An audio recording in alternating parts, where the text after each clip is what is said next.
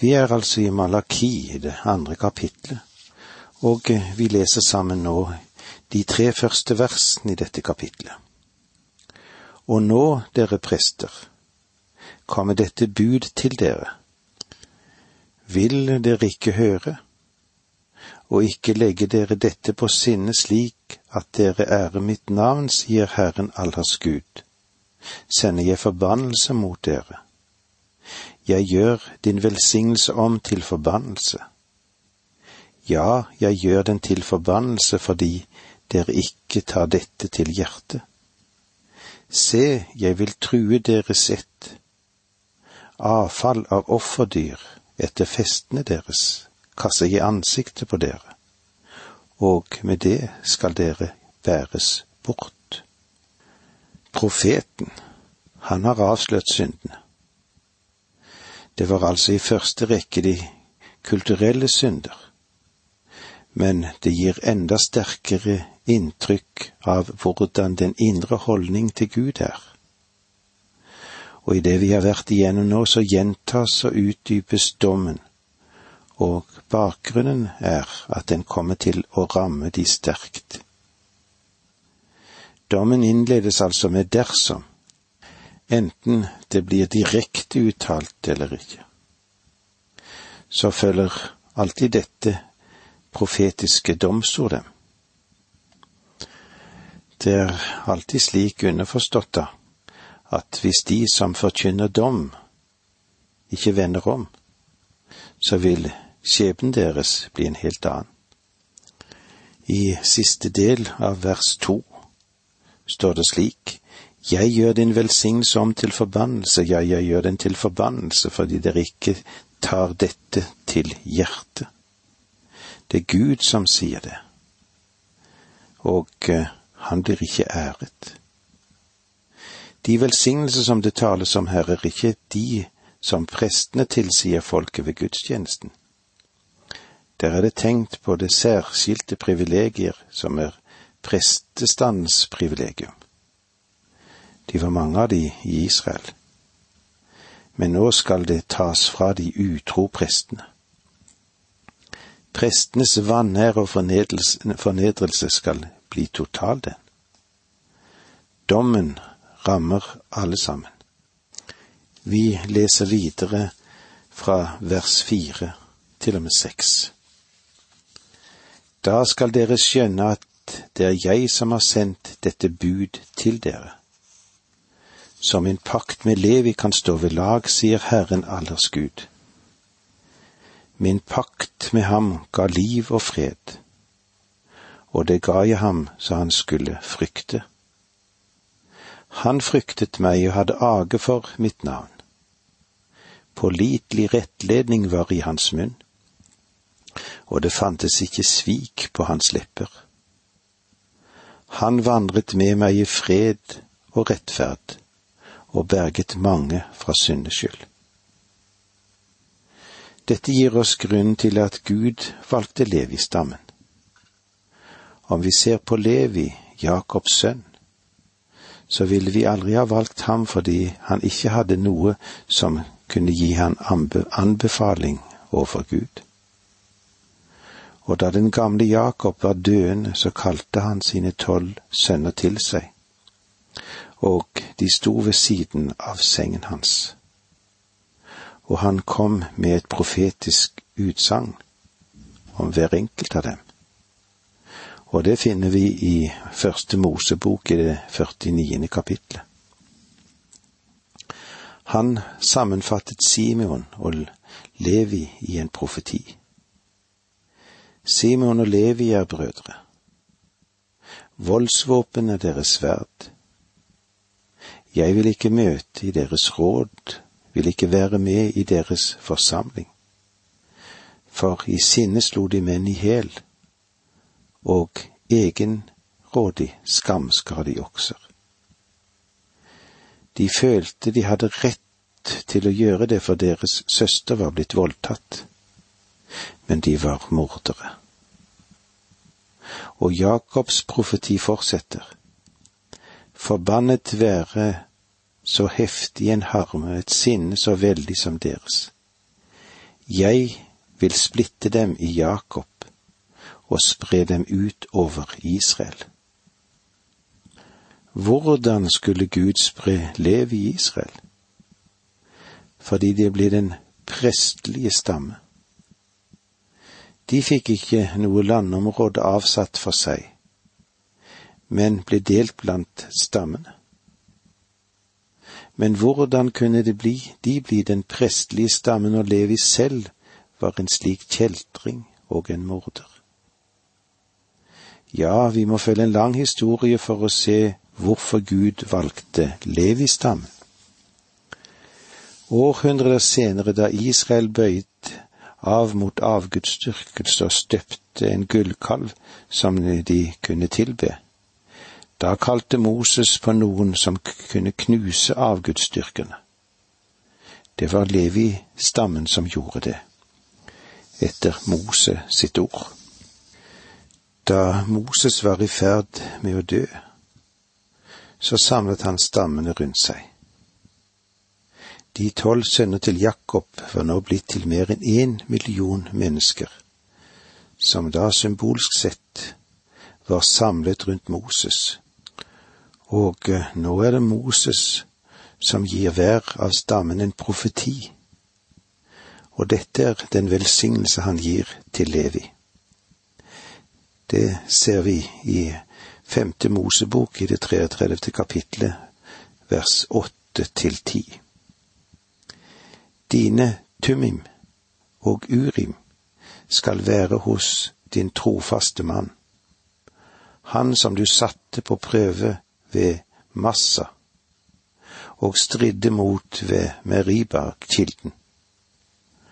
Han sa om sin far og sin mor jeg har aldri sett dem. Han kjentes ikke ved sine brødre og ville ikke vite av sine barn. For de tok vare på ditt ord og vernet om din pakt. De skal lære Jakob dine bud og Israel din lov. De skal legge røkelse fremfor din nese og heloffer på ditt alter. Legg merke til at selv om Levi personlig var en brutal fyr, så var den stammen som kom fra ham, den som tok vare på Guds ord. De holdt hans pakt, og Gud gjorde dem til prestestammen for å lære Israel Guds lov, og for å ofre bønn og andre offergaver til ham disse offergavene som pekte mot Kristus. Derfor, Herre, velsign Hans kraft og ta vel imot Hans henders verk. Knus hoftene på Hans motstandere og fiender, så de aldri reiser seg mer. Dette er den pakt som Gud gjorde med Levi-stammen. Den skulle undervise Israel og tjene ved bønnens sted over røkofferalteret, og skulle ofre brennofferet som pekte mot Kristus. Når vi nå beveger oss fremover i historien til Malaki sin tid, og den rest som hadde vendt tilbake til Israel etter fangenskapet i Babylon, hvordan er det nå med Levi-stammen? Vel, vi har sett at de var villige til å lukke øynene når en syk ku ble brakt som offer til Gud. De ringakter Guds navn, og er ulydige mot Gud, og ulydige mot det han vil. Derfor, hvordan kan de undervise folket i Guds ord? Hvilken forvandling som har funnet sted. Selv etter 70 års fangenskap har ikke Levi lært sin lekse. Min pakt med ham ga liv og fred, og det ga jeg ham så han skulle frykte. Han fryktet meg og hadde age for mitt navn. Gud sier gjennom profeten Malaki at Levi tidligere hadde fryktet ham, men nå gjør ikke denne stammen det. Pålitelig rettledning var i hans munn. hadde han undervist tro, hadde han undervist Guds sannhet. Men disse prestene bommer ikke bare på det å undervise Guds sannhet, de bryter også Guds bud, og han fortsetter. Det fantes ikke svik på hans lepper. Han vandret med meg i fred og rettferd og berget mange fra syndeskyld. Han hadde vært et godt eksempel, ser du, for folket. Hvilken forandring som var inntrådt. Og med disse ordene må vi si takk for nå, må Gud være med deg. Dette undervisningsprogrammet består av to deler. Åge Nevland fortsetter nå med andre del av dagens undervisning. Vi er i profeten Malakia. Denne profeten som har fått et oppgav, oppdrag og en oppgave fra Gud å være en budbringer. Se, han kommer med et budskap, er det som vi har blitt vitne til men profeten kommer òg med harde domsord over de som skulle være med å formidle Guds ord mellom prestestammen. Men nå får de en dom, og bakgrunnen for den harde dommen over presteskapet er den pakt som de hadde gjort med Herren, og den spesielle stillingen som prestene har. De skulle òg legge til rette for Guds åpenbaring, for loven dette var overgitt på en spesiell måte til prestene. De skulle lære folket opp i alt det som hadde med det religiøse liv å gjøre. Og de prestene skulle utlegge Herrens åpenbarte vilje, og hva dette ville ha for konsekvenser for det daglige liv i Israel. Og så var de òg mellom menn, mellom Gud og mennesker. De ofret til Gud på vegne av folket, og ved ofringene sørget de for det rette forhold mellom Herren og hans utvalgte folk. Og hvis de utførte dette på en rett måte, så ville velsignelsen ramme de på Guds vegne. Vi kan vanskelig overvurdere den rolle presteskapet hadde som ledere på den tiden. I våre øyne er det kanskje ofte slik at det blir overskygget av profetene. Men det daglige liv gjennom tidene, det hadde prestene tatt seg av, og de hadde en fremtredende rolle. Profetene de opptrer mer sporadisk, de, for å kalle folket tilbake til pakten. Prestene, de skal utgjøre den kontinuerlige element i folkets forhold til Gud. Dette har kanskje noe å si til oss som lever og i dag. Ingen kan tjene Gud uten å ha respekt og ærefrykt for Hans navn. Det betyr at Kristus må løftes opp for folkene. Hvis Kristus blir løftet opp, så ville han dra mennesket til seg. Han løftes opp gjennom vårt vitnesbyrd, og det vitnesbyrd må skje ved våre liv like så mye som ved våre ord. Vårt eksempel er like viktig som det vi sier. Vi leser det syvende verset i kapittel to. For en prests lepper tar vare på kunnskap. Fra hans munn skal folk søke rettledning, for han er sendebud fra Herren. Prestene skal være budbærere for allers Gud. Ordet budbærer, som jeg har pekt på tidligere, blir også oversatt med engel. Og i åpenbaringsboken ser vi at Herren skriver til engelen for menigheten i Efesos, osv. Hvem taler han til? Han taler til de som er ledere for menigheten den som underviser Guds ord i menigheten. La meg få lov til å summere opp dette og gi en liten ekstra tolkning. Det er ikke sikkert du er enig i den, men la oss nå forsøke likevel.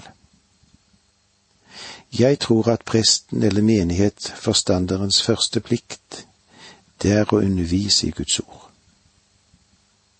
Må Gud ha barmhjertighet med en menighet som venter at ens prest eller pastor skal være markedsfører, skal være administrator eller et postbud, eller en layout-ekspert for trykksaker, når han egentlig burde studere Guds ord og undervise folk i det. Den viktigste oppgaven for prestene, det er å fordype seg i Guds ord og forkynne Guds ord. Husker du at det var en lignende situasjon som apostlene sto overfor i den første menighet? De gresktalende jødene de klaget over at deres enker ble oversett til fordel for de andre under matutdelingen. Saken den ble brakt fram for apostlene, og de håndterte den på en mesterlig måte. De sa til menigheten at de skulle utpeke diakoner for å ta seg av den saken. De sa som det står i apostelens gjerninger 6.2. Det ville være galt om vi forsømte forkynnelsen av Guds ord for å ta oss av utdelingen av mat. Det betydde ikke at de ringaktet matutdelingen, at de ringaktet det som hadde med å lage mat, eller det å ta oppvasken. Slettes ikke.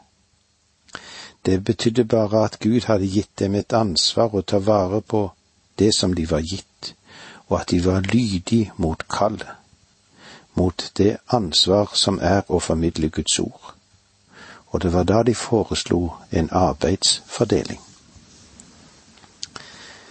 Det å granske ordet og undervise i ordet og forkynne ordet, det er prestens og predikantens oppgave, det. Gud sier at dette var Levis ansvar, men på Malaki sin tid tok ikke prestene vare på dette ansvaret. Derfor sier Gud til prestene, og nå leser vi versene åtte og ni i kapittel to. Men dere har veket av fra veien og fått mange til å falle ved den rettledning dere har gitt. Levipakten har dere brutt, sier Herren allers Gud. Derfor har jeg gjort dere ringaktet og små for hele folket, for dere akter ikke på mine veier men gjør forskjell på folk når dere gir rettledning om min vilje. I Gallup-undersøkelsen om hvem som nyter mest respekt blant lederne i vårt folk, så kommer prestene nokså langt nede på listen. Er det noen grunn til det? Gud sier i alle fall her at det er de som har fått ansvaret for å forkynne Guds ord, men ikke gjør det. De er ikke verd å aktes. Vi går nå litt videre og ser på hvordan en folk anklages for sosiale synder. Vi ser i vers ti. Har vi ikke alle samme far? Den ene Gud som har skapt oss. Hvorfor er vi da troløse mot hverandre og vanhelliger våre fedres pakt? Har vi ikke alle samme far? Det er de som mener at ordet far henviser til Abraham, siden både Israel og Juda er nevnt i verset som følger. Men jeg tror det neste spørsmål klargjør at det Malaki taler om her, er Gud som far. Den ene Gud som har skapt oss. Han gjør det også klart på hvilken måte Gud er far. Han er far ved skapelsen. Men mennesket mistet dette fellesskapet. Adam ble kalt Guds sønn, men etter fallet, da fikk han en sønn i sitt eget bilde, ikke Guds bilde men i det bildet som steg fram i hans egen falne natur. Derfor, når israelsfolket ble satt i fokus, så ser vi at Gud ikke taler spesielt om noen enkelt israelitt som sin sønn. Men han taler om nasjonen som helhet, som en sønn. Aldri gjennom hele Det gamle testamentet henviser Gud noensinne til et enkeltmenneske som sin sønn. Selv to menn som var svært så fremstående, Moses og David. De ble kalt på denne måten Moses min tjener og David min tjener. Gud sier aldri Moses min sønn eller David min sønn. Enkeltmennesket blir Guds barn. De blir Guds sønner ved troen på Jesus Kristus. Gud er menneskeslektens far i den forstand at han er skaperen. Det er noe som er sterkt understreket i vår samtid, og jeg tror det med rette. Det understrekes mye at vi er alle mennesker, og at vi bør ha respekt og ta hensyn til hverandre, og det er sant. Du er et menneske, og jeg er et menneske, og jeg burde innrømme deg de samme rettigheter og privilegier og respekt som jeg ønsker for meg selv som menneske. Har vi ikke alle samme far, den ene Gud som har skapt oss? Vi er i Guds skapelse. Hvorfor er vi da troløse mot hverandre og vanhelliger vår fedres pakt? Her fantes det da et utvalgt folk. Likevel brøt de Guds pakt og behandlet hverandre på en skjendig måte. De hadde ikke et rett forhold til Gud, og derfor hadde de heller ikke et rett forhold til hverandre. Kanskje noe å tenke på for oss alle sammen, det. Og med disse ordene sier vi takk for nå, må Gud være med deg.